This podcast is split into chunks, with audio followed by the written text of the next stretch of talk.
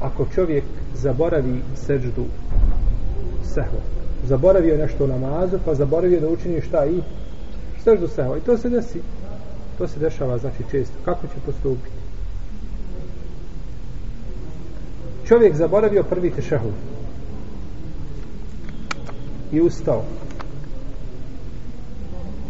Na treći rekat kazali smo će se vraćati? Neće. neće ostaje kako jeste i završava svoj namaz. No međutim nakon toga zaboravi sve i preselam je na kraju normalno. Ako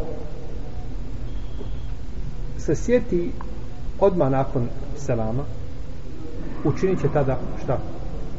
sežu se. Odmah. Uđuben mora učiniti sežu. Sežu. Sežu eh, sežu sežu mora učiniti iako se okrenuo možda predao je selam i ustao krenuo i na džamije se sjeti. Okrene se i to učini šta dvije sežda gdje jest jer je poslanik sallallahu sallam u hadisu Zul Jedejna pričao sa ashabima tako otišao do jednog panja pa se raslonio pa niko se nije obraćao. Ebu Bekr i Omer su bili u društvu, svi su šutali. Pa je upitao Zul Akasurati a kasurati sala em nesite ja Rasulullah. Ili namaz se skratio ili si to zaboravio Allah poznaće šta je? Ali pogledajte Zul kako pita. E, a kasurati sala em nesite jesi li Allah poznaće da to skratio namaz ili se eventualno zaboravio? Skraćivanje namaza je šerijetski propis. A je li zaborav šerijetski propis? Nije, to je od čovjeka, ali tako?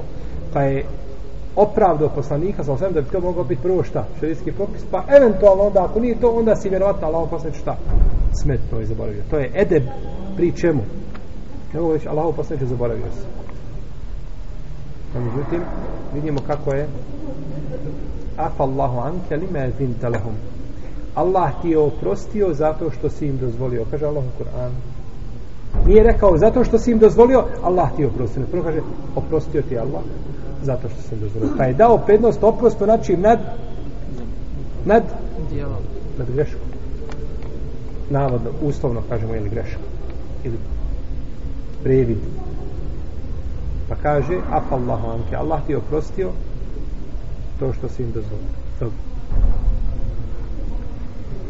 Ovo je, znači, srđda sehva za onoga ko zaboravi da učini seždu sehva.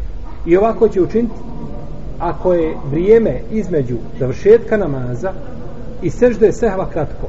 Znači ako nije nešto suviše dugo, no međutim ako je čovjek izašao iz džamije, otišao obavio nekakav posao, hodao po trgovini, šetao, došao kući i pred drugo namasko vrijeme se sjeća da je zaboravio šta?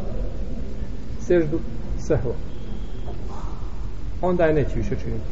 Jer je prošlo vrijeme njeno.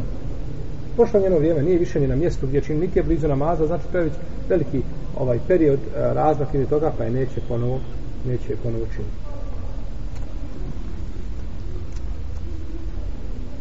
Čovjek zaboravio seždu se i počeo da klanja drugi namaz u isto vrijeme. Spaja podne i ikindiju. Na podne je zaboravio šta?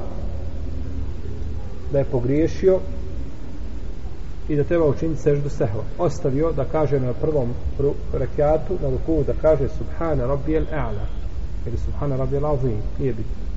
na seždu na ruku, šta god. I sjeti, završio podne i počne sa ikindijom i završi ikindiju i onda sjeti da nije učinio šta. Seždu sehva na prvom namazu. Učinit će kada završi namaz. Jer je on još uvijek šta? Uvijek to vrijeme sežde. U tom je namaskom vremenu, znači blizu je samog namaza, nije se desio veliki period između toga, pa će učiniti seždu sehva bi bi pa i mahallihi, kako kaže učenjaci, jer je to još uvijek vrijeme, znači gdje se može učiniti se sežda sehva.